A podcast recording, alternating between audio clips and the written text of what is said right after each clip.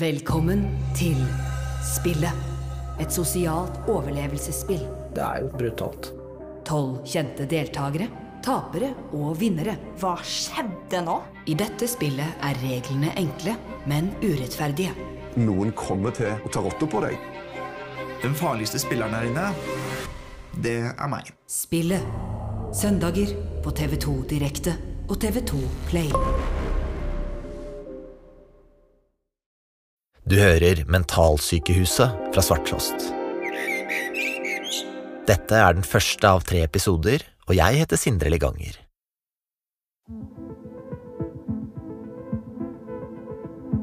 Det går mange rykter om Lier sykehus, som ligger i en åsside utafor Drammen. Nettet er fullt av bilder av det som ser ut som et gammelt, forfalmt slott, der alt mulig rart skal ha skjedd. Det fortelles om forferdelige eksperimenter og metoder. Den ble jo tatt inn på slaktebenken og bindt fast. Og så fikk du to sprøyter på hver side her. Og så begynte de det jeg kaller det veggbor, for jeg vet ikke hva det var for noe. Så begynte de her å bore. Mennesker som levde under uverdige forhold. De skriker og roper dag og natt. De kaster pisseflasker. De kaster dritt. De, ikke sant? Altså, det er kontinuerlig helvete. Og hundrevis av grusomme skjebner. Altså, det er farlig å si ordet tortur, men, men som på en måte Det er de minnene, eller det er de assosiasjonene få da jeg var inne og snakka med noen som lå i belteseng, f.eks. Så, så har man liksom sånn opplevelse av at nå er jeg en type torturkammer.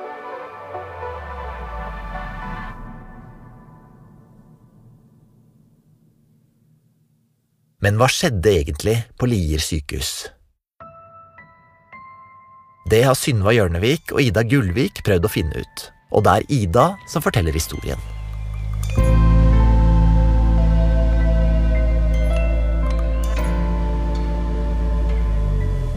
Altså, det var en sånn en, en historie som gikk igjen og igjen og igjen og igjen. da. Ketil Huffmann var i starten av 20-årene da han først hørte fortellingen om Lier sykehus. Man man fikk ikke vite helt sånn konkret hva det var, men det var liksom at det var sånn paran paranormal aktivitet, og det var folk som hadde snakket om at der går det folk igjen.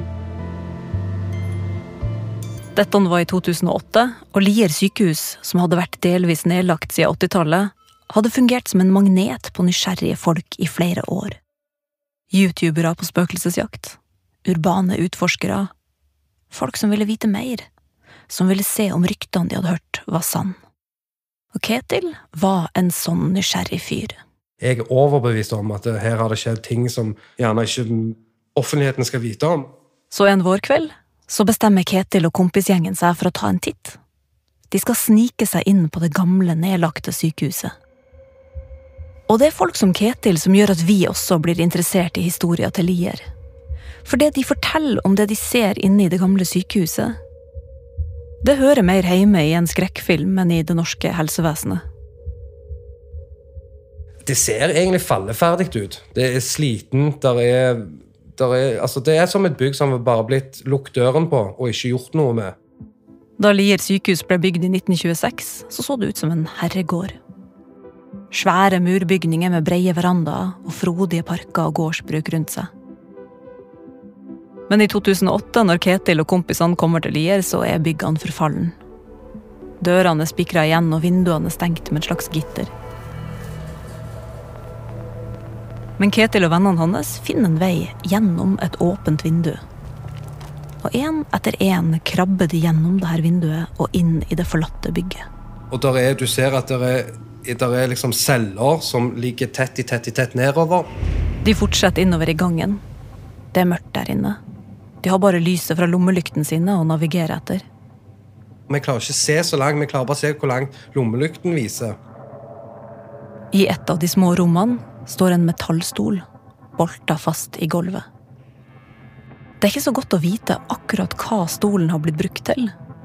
Men for Ketil så ser det ut som om det er meninga at noen skal spennes fast her. Man kunne se at det var liksom sånn, lagt spor i stolen for sikkert noen reimer av noe slag. Et eller annet festingsmekanisme for å feste dette her mennesket da, som tydeligvis har vært der. da. Rett under stolen er det et stort sluk i gulvet. Det var konstruert for at det skulle være enklest mulig, på en primitiv måte. Så da var det sånn Wow, hva er det som har skjedd inne på dette rommet her? Skal ikke dette være et sykehus? Jo, dette er et sykehus. Eller et sinnssykeasyl, som det opprinnelig het. Det ble bygd for å lage et trygt hjem for psykisk syke pasienter. Men mens de går innover i gangene på sykehuset, så begynner Ketil å tenke at det her stedet Det minner om noe helt annet. Jeg følte det var Det ble bare mørkere og mørkere og mørkere og mørkere jo lenger inn man kommer. Ikke, nå tenker jeg ikke på lyset, nå tenker jeg på følelser. Så man føler man går mot på en måte noe som er enda vondere og dystrere og mørkere, og man kjenner liksom at hårene reiser seg. Jeg, jeg får nesten sett reise seg nå når jeg snakker om det, faktisk. Du ser at det er planlagt til noe forferdelig, følte jeg. Det er noe med betongveggene der inne. Med de små cellene og den innestengte lukta. Det var som en konsentrasjonsleir, rett og slett. Mens de går innover i gangene, får de se rommet velte arkivskap og gamle legeredskaper. Det virker som om sykehuset har blitt forlatt i hui og hast. Det gamle utstyret har bare blitt stående. Hva er det egentlig som har skjedd her? For dette her mente jeg da i den tida at dette er ikke normalt. Men noe av det som kanskje sitter sterkest igjen hos Ketil, er de store, tunge dørene inn til de små cellene. Og det han mener de forteller om livene til de som bodde på Lier. De er lag for at det skal holde folk der inne der. Ingen skal komme ut på noen som helst måte. På noen av dørene er det merka. Så når vi da kikker inn på den ene døren som står åpen, og liksom lyser på den, så kan vi se at det der er skrapemerker. Og da tar jeg hånden min på den ene, for, jeg, for jeg, da tenker jeg sånn er det, Kan det være mulig at det er kloremerker i, i en ståldør? Ketil legger handa si inntil et sett med merker. Og ja, de liner opp med fingrene hans. Kan det være noen som har stått og klort her så desperat at de lager merker i stålet, på en måte? Og med en gang jeg så det, iallfall, da, da, da, da kommer jo alt sånn Kan det være så gale man har hørt? Er disse historiene ekte? Hva har skjedd her når det er kloremerker? Det skal være et sykehus og et mentalsykehus. Man ser kloremerker i, i liksom disse dørene. Man ser sluker i gulvet, man ser disse sengene. Da er det sånn, Hva er det egentlig som har foregått her?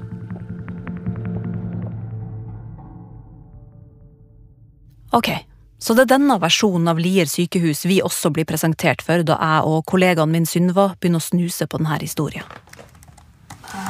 Søker på mentalsykehus og vi finner bilder. Skal vi se.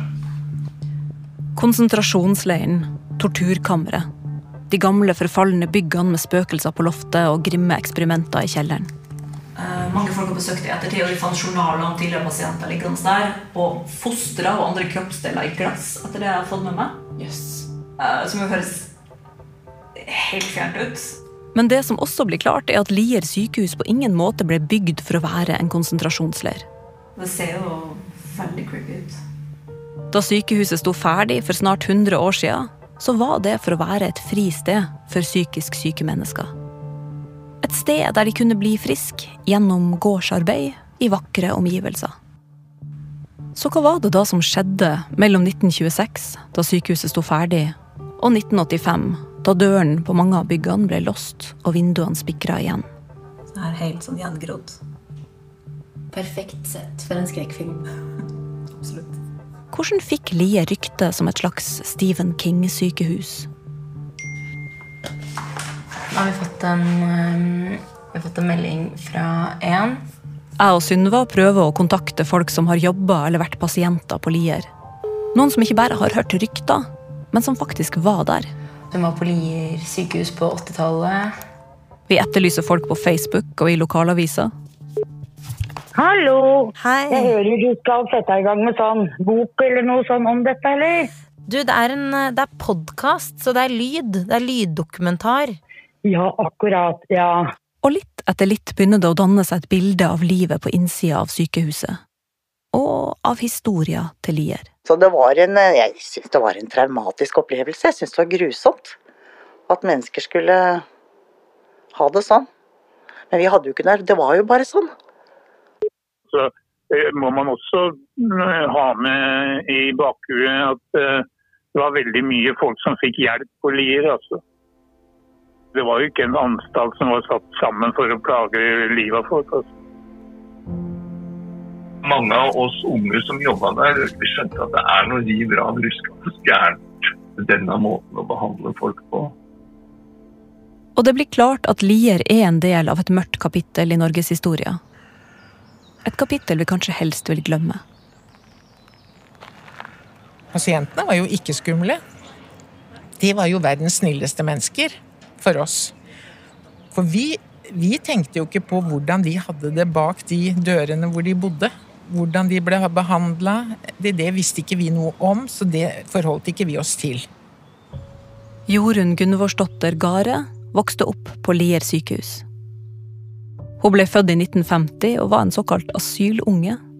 Et av de mange barna som bodde rundt sykehuset. Faren var sykepleier, og mora jobba på kjøkkenet på ei av avdelingen.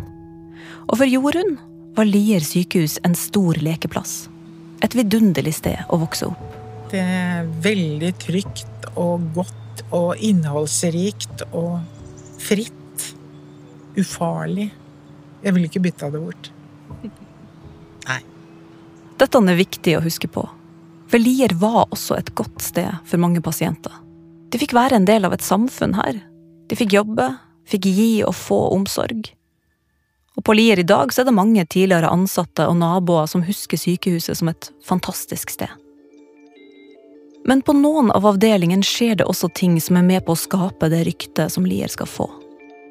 Og som barn så fikk også Jorunn glimt av de her skyggesidene på Lier. Familien hennes bodde rett i nærheten av den avdelinga som ble kalt DK, kvinneavdeling D, der de sykeste pasientene var. Der bodde de som lei av schizofreni eller vrangforestillinger. Og da Jorunn ble syv år, så gikk hun forbi der hver dag på vei til skolen. Eh, vinduene der var veldig smale, de var sikkert ikke mer enn 10 cm breie. Som da var luftevinduer. Og der husker jeg de sto med hendene De kunne jo ikke få ut hodet, så de sto med hendene og vinka til oss når vi gikk forbi, da. Utafor avdelinga var en luftegård. En inngjerda plass der pasientene som ikke kunne gå fritt rundt på området, fikk være ute. Lufta høres ille ut, men de var ute og fikk frisk luft, da. I en innhegning. En, en, et inngjerda område med piggtråd ytterst mot uh, området rundt. Der var de ute ja, jeg vet ikke, en time, en to timer kanskje, på, spesielt på sommerhalvåret. da. Og da kom jeg i prat med de når jeg gikk hjem fra skolen. Da kom de bort til meg, da kom de løpende bort for å prate. Husker du hva de ville snakke om? De... Ja, De ville snakke om Kanskje de kunne fortelle det at de hadde et barn hjemme. Eh, noen gikk med dokker under armen som et sånt substitutt for en unge de måtte forlate. En mamma og en datter var innlagt på samme avdelingen, husker jeg. Og de gikk alltid i sort. Og hun mammaen da, hun var veldig tynn, mager, og vi kalte henne for Den sorte dame. Eh, og hun var veldig morsk, men ikke farlig. Ikke sint, bare morsk. Mm. Og datteren hennes gikk alltid rundt med dokke under armen. Noen av damen ba Jorunn om hjelp. Og en gang så var det ei som ville at jeg skulle hjelpe henne over gjerdet. Hun ville ikke være der lenger. Hun ville ha hjelp til å rømme. Fordi jeg hadde nøkkel til en port som førte inn til et område hvor det ikke var piggtråd. Ehm, men det kunne jeg selvfølgelig ikke. Eh, det forsto jeg. Som sjuåring så forsto jeg hvor grensene mine gikk i forhold til hva jeg kunne gjøre. Men av og til skjer det likevel at pasienter klarer å rømme. Det var veldig ofte rømninger. Og eh, ved siden av sykehuset, så de var jo selvberga på alle mulige måter, også med stein. Så det var et steinbrudd. Og der var det veldig mange som hoppa utfor. Ja, det var det. Og eh, sykehuset hadde noen sånne utkikkstårn oppå på skogen. Der var det noen som hengte seg. Eh, Det mest dramatiske som barn, det var vel Det sto et stort grantre mellom luftegården og der jeg bodde. Og der hadde et menneske tatt løkke rundt halsen og gått rundt treet til det ikke var mer tau igjen. Det var ganske dramatisk. Når Jorunn var hjemme, kunne hun noen ganger høre rop fra avdelingen. De ropte. Altså, det var skrik. Eh, og, og 'hjelp meg' var jo ofte jeg hørte. Og 'kom hit, kom hit'. Og så var det noen som hadde sånne storhetstanker, ikke sant, som trodde de var Vår Herre eller Elvis. Ikke sant? Og da var det Elvis da han sto og sang, ikke sant? Eh, Elvis-låter.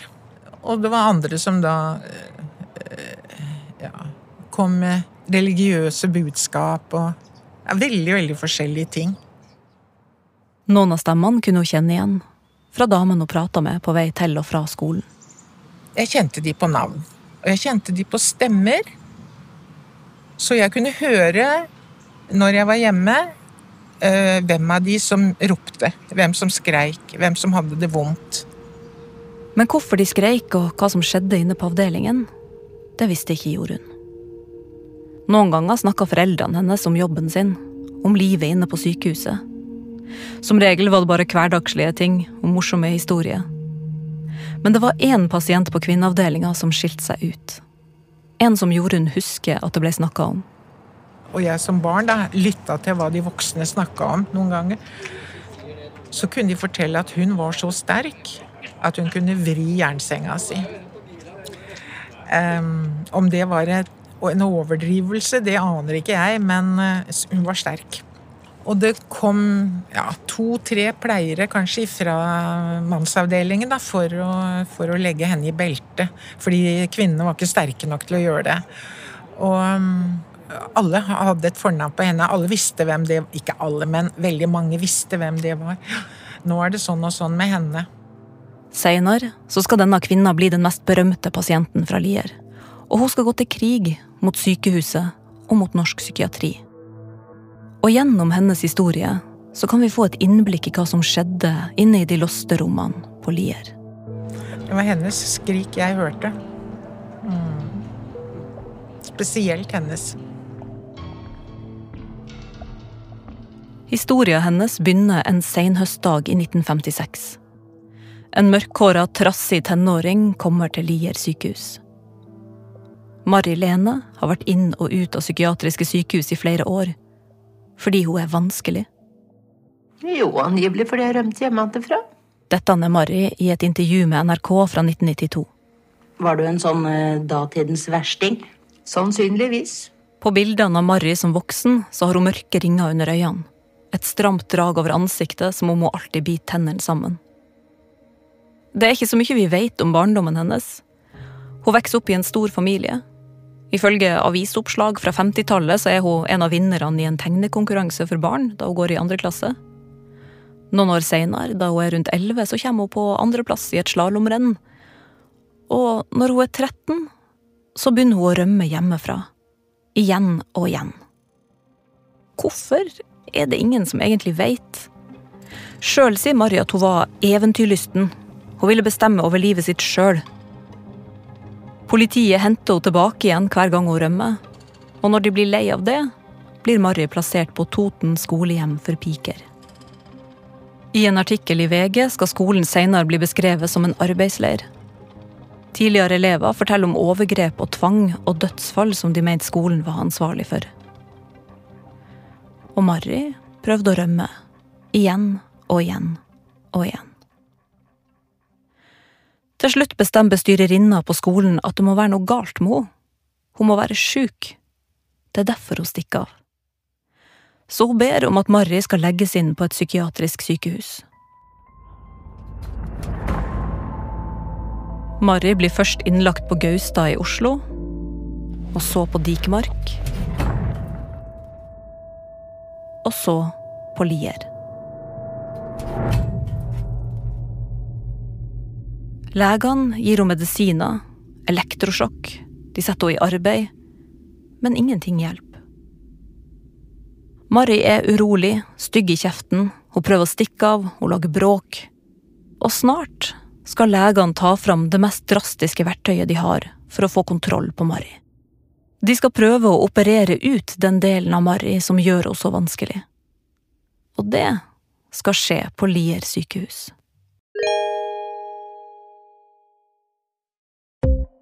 Ukens annonsør er Nextory. Og Nextory er en strømmetjeneste av flere hundre tusen bøker, som du enten kan lese som e-bøker eller høre på som lydbøker. Og Nextory har bøker i alle mulige sjangere, fra krim og dokumentarer til romaner og barnebøker. Og jeg har da gleden av å kunne tilby deg som lytter et spesialtilbud. Hvis du går inn på nextory.no svartrost og registrerer en bruker der, så får du seks uker gratis med tilgang til hele det fantastiske biblioteket av e-bøker og lydbøker hos Nextory. Og en liten personlig anbefaling fra meg er bøkene til Ken Follett, som ligger her. Og han har jo da skrevet både spenningsbøker og historiske romaner, men det er spesielt hans århundretriologi som er favoritten.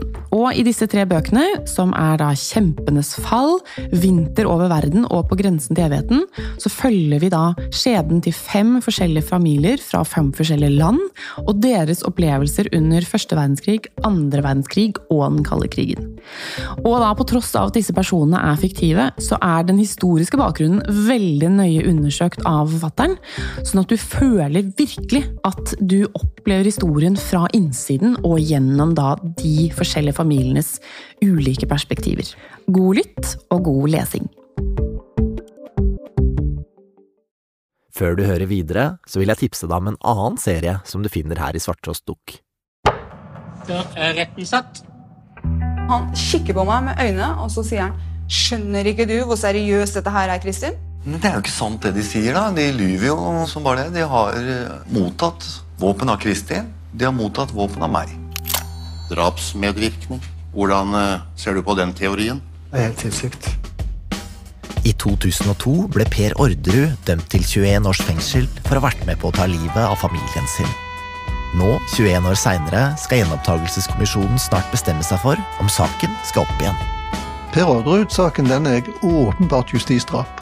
Og det er ikke holdbart når du skal dømme folk for trippeldrap. Hva har privatetterforsker Tore Sandberg funnet ut? Og hvordan står egentlig bevisene mot Per Orderud seg i dag? Hør Per Orderud, skyldig eller uskyldig, i Svarttrost Dukk. Her er Per. Tilbake til episoden. Her må vi ta en liten stopp i historien. For å forstå hva Marry blir utsatt for, så må vi også forstå hva som skjer inne på steder som Lier i årene før hun blir lagt inn. For psykiatrien sjøl har vært gjennom ei slags krise i årene før Marry blir født. Lier blir bygd som det siste av de ti store asylene i Norge i 1926. Og tanken var jo at her, her skulle ikke folk som var syke på sinnet, gjemmes bort. Her skulle de få behandling. De skulle bli friske. De skulle behandle de sinnssyke, og man hadde en stor, eh, eller en sterk behandlingsoptimisme. Historiker Per Hove har jobba mye med norsk psykiatrihistorie. I utgangspunktet tenkte man at eh, oppholdene skulle være relativt korte, og at de skulle gjøre pasientene friske, slik at de kunne fungere i samfunnet igjen. Men så slo ikke det helt til. Eh, mange pasienter ble værende på disse gamle statsasylene som kroniske pasienter. Problemet var at man egentlig ikke hadde noen gode metoder for å faktisk kurere psykisk sykdom. Legene visste ikke hva sykdommen skyldtes, eller hvordan man kunne fikse det. Var det bakterier som gjorde folk sinnssyke? Var det arv? Miljø? Hva? Og psykiatrien ble ved overgangen til 1900-tallet preget av en ganske sterk behandlingspessimisme. Man snakket også om terapeutisk nihilisme, at ingenting egentlig virket. Utover de første tiårene av 1900-tallet så begynte mange leger å bli frustrert. Pasientene ble jo ikke bedre.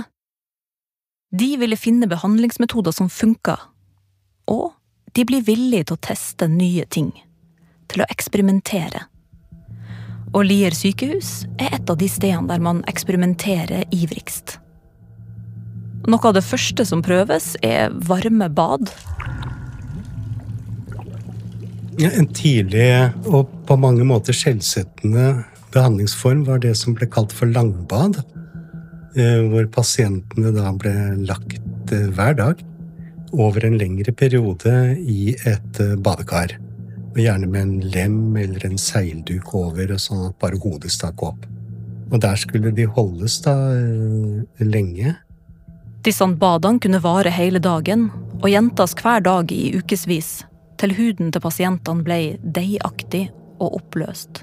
Og de hadde en forestilling om at det eh, skulle påvirke da sinnet i gunstig retning.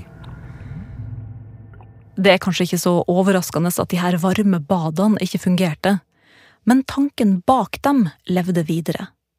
Ideen om at man kunne behandle kroppen for å fikse det som var feil i hodet, enkelt sagt. Og denne ideen fikk etter hvert mange bisarre resultater.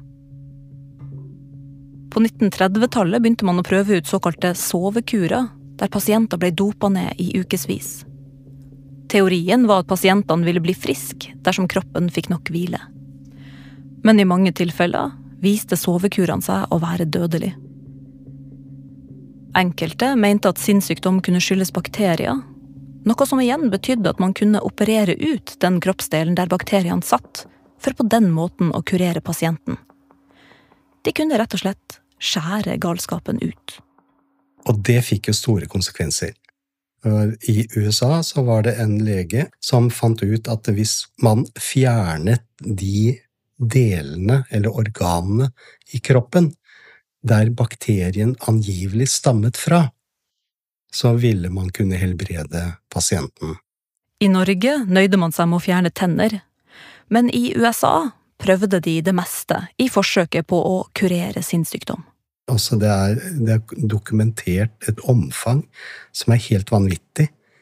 Eh, hvordan fjernet eggstokker, testikler hos menn, eh, livmor, endetarmer, eh, tenner osv. Veldig mange pasienter døde av denne behandlingen. Andre mente at man kunne sjokke galskapen ut av kroppen. Enten med elektrisitet, insulin eller et stoff som ble kalt kardiasol. Og da var det en teori om at eh, kramper ville kurere schizofreni. Og den teorien ble utviklet fordi man mente å se at epileptikere ikke At det ikke var schizofrene blant epileptikerne. Sånn at epilepsi og schizofreni var gjensidig utelukkende. Så hvis man kunne påføre en pasient med schizofrenidiagnose eh, epileptiske anfall, så tenkte man at man kanskje ville kunne kurere schizofrenien. Ulempen var, igjen, at alle disse metodene kunne være ekstremt farlige for pasientene. Kardiasolsjokk ble nok lansert også med tanke på at det skulle være en mindre radikal behandling, som viste seg at den var også ganske radikal, fordi krampene var fryktelig sterke, eller kraftige.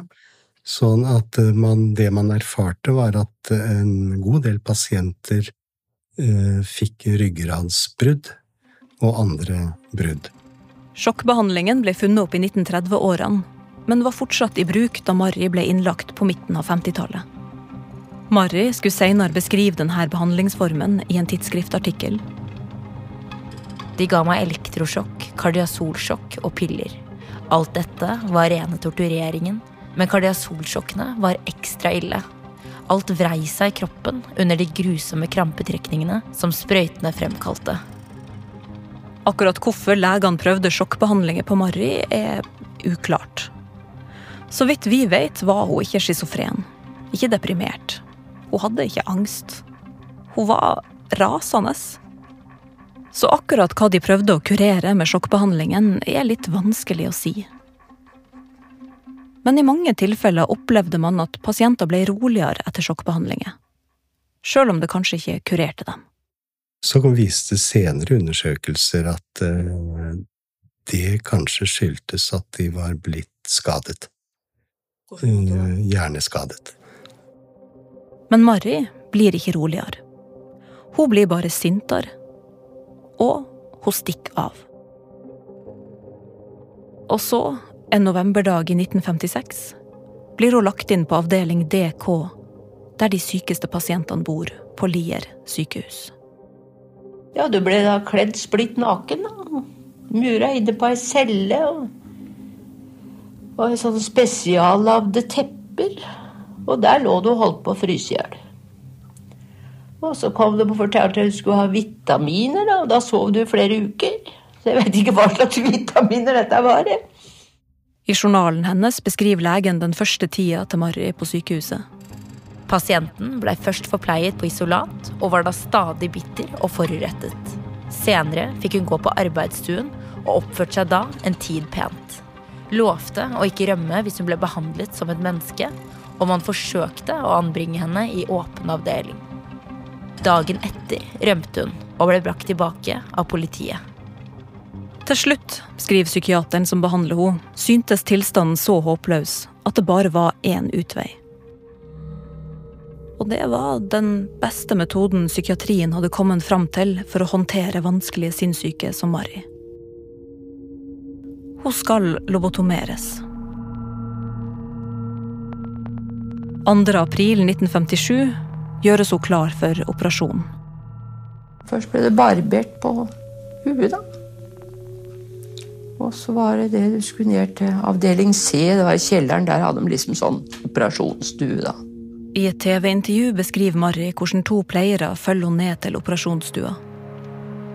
Hun er stille, nesten mimikkløs, mens hun forteller hvordan hun prøver å gjøre motstand. Hvordan hun kjemper for livet. Og så satt jeg bukkebein. Men du vet, den ble jo tatt inn på den slaktebenken og bindt fast. Og så satt ei søster og holdt meg i hendene, og så var det ei som holdt meg liksom i haka. Og så fikk du to sprøyter bak i nakken. Når hun har blitt bundet fast på operasjonsbordet, blir det satt lokalbedøvelse i nakken hennes. Og så begynte de med det jeg kaller det veggbor, for jeg veit ikke hva det var for noe. Begynte de her å bore. Du bora inn her? Ja, inne her sånn, ja. Mari peker mot tinninga si. Vi kaller det for veggbor. Sånn når du skal ha et hull i veggen for å sette fast en skrue. vet du, så bruker Sånt bor hadde inntrykk av var. Kjente du at de Ja, du, De satt der og holdt deg sånn, da. Men du rista jo i hele huet, da. Og jeg brukte kjeft. Mari får ei sprøyte til. Og så blir alt svart. Mens hun er bevisstløs, fortsetter kirurgen arbeidet sitt. Det kan ha foregått omtrent sånn her. Han borer et hold i hjerneskallen hennes med en sveivedrill.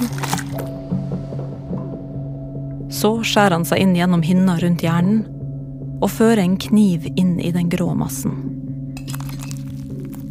Kniven er ikke skarp, men avrunda for å unngå for store blødninger. Den ser i grunnen ut som ei lita ishockeykølle. Legen fører den ca. 7 cm inn i hodet til Mari. Og så beveger han denne butte kniven i en vifteforma bevegelse for å kutte over nervene mellom pannelappen og resten av hjernen. Tanken er at dette skal gjøre følelser mindre sterke, gjøre pasienten roligere. Men det kirurgen fjerner, er forbindelsen til den delen av Mari sin hjerne som gjør henne til Mari.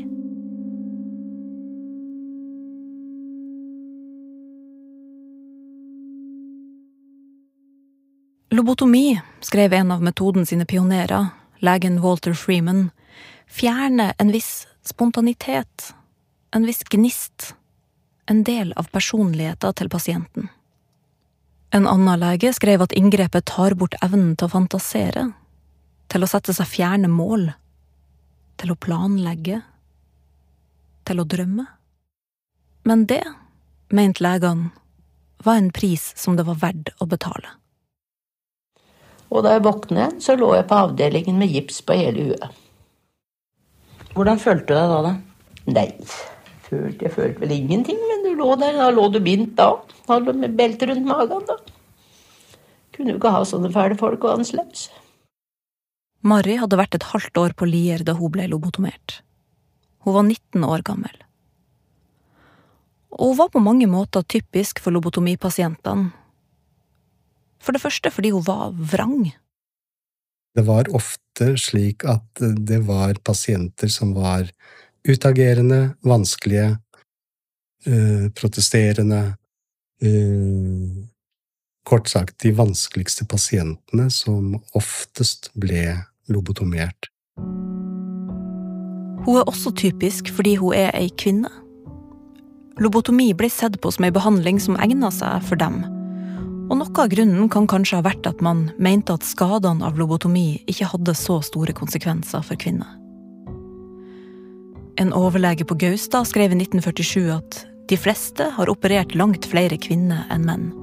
Sikkert fordi husmoryrket regnes for å ligge svært godt til rette for slike pasienter. Kvinnelige pasienter var også vanskeligere å ha med å gjøre, mente andre, og lobotomi ble løsninga.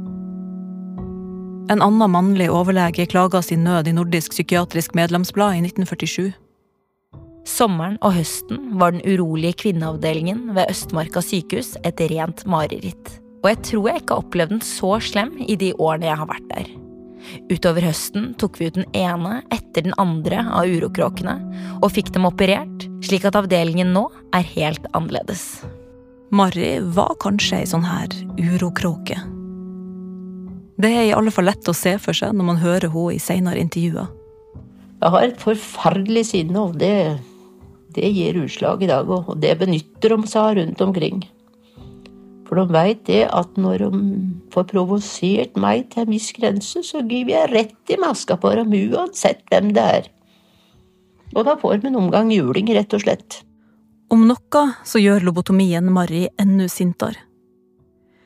Legen som henviste Mari til lobotomi, var heller ikke veldig imponert over resultatet.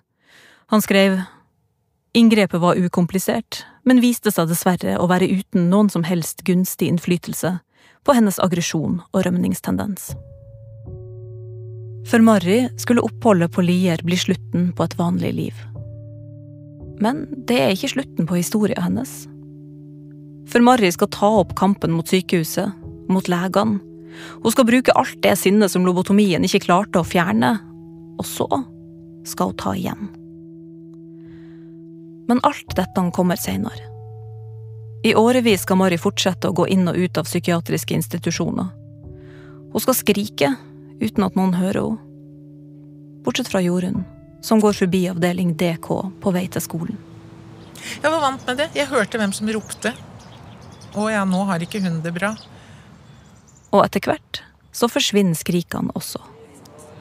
Skrikene opphørte jo når medikamentene kom. På, ut, godt ut på 50-tallet. Um, da var det helt annerledes. Helt, da ble det en annerledes, en slags ro. Og for resten av verden så forblir sykehuset et lukka rom. Men snart skal det komme noen som kakker et hold i muren rundt Lier. Har du sett på boka til Ingvar Ambjørnsen som heter 23-salen? En langhåra forfatterspire. Men har du lest den boka til han Ambjørnsen? Det er jo veldig interessant, da. Mm. Ingvar Ambjørnsen. Dette har jeg gjort, altså. Dette har jeg vært med på. Det, det er helt jævlig.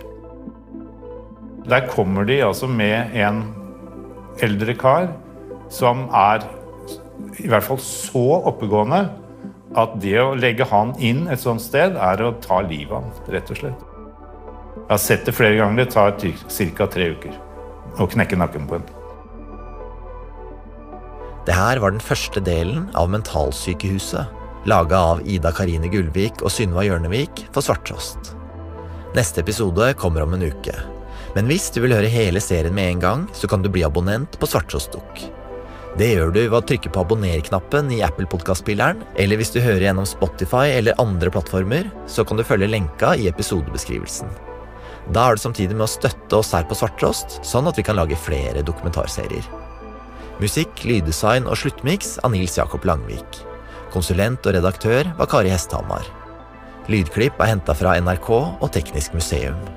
Kilder til denne episoden var Joar Tranøys bok 'Lobotomi i skandinavisk psykiatri', artikkelen 'Jakta på utstyret' av fotograf Bernt Eide, tidsskriftet Materialisten og Tidsskrift for Den norske legeforening. Fakta om psykiatriske behandlingsmetoder kommer fra Per Hoves artikler og fra boka hans 'Ambisjon og handling'. Tusen takk til alle som har bidratt til denne serien, og takk til deg for at du har hørt på.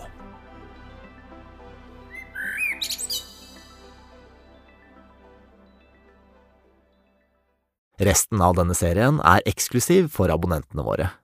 Du kan bli abonnent ved å søke opp Svarttrost Dukk i podkastspilleren til Apple eller i Spotify. Hos Apple så kan du trykke på abonner-knappen i appen, mens i Spotify så kan du følge lenka i episodebeskrivelsen. Og hvis du har spørsmål, så finner du oss i Svarttrost på Facebook og Instagram. Å drive en bedrift uten regnskapsprogrammet TrippelTex er litt som å være tømrer uten en spikerpistol. Altså, hammer funker det, det tar lengre tid og er mer slitsomt. Med TrippelTex kan du stole på at du har riktig verktøy til regnskapsjobben. Prøv gratis på TrippelTex.no.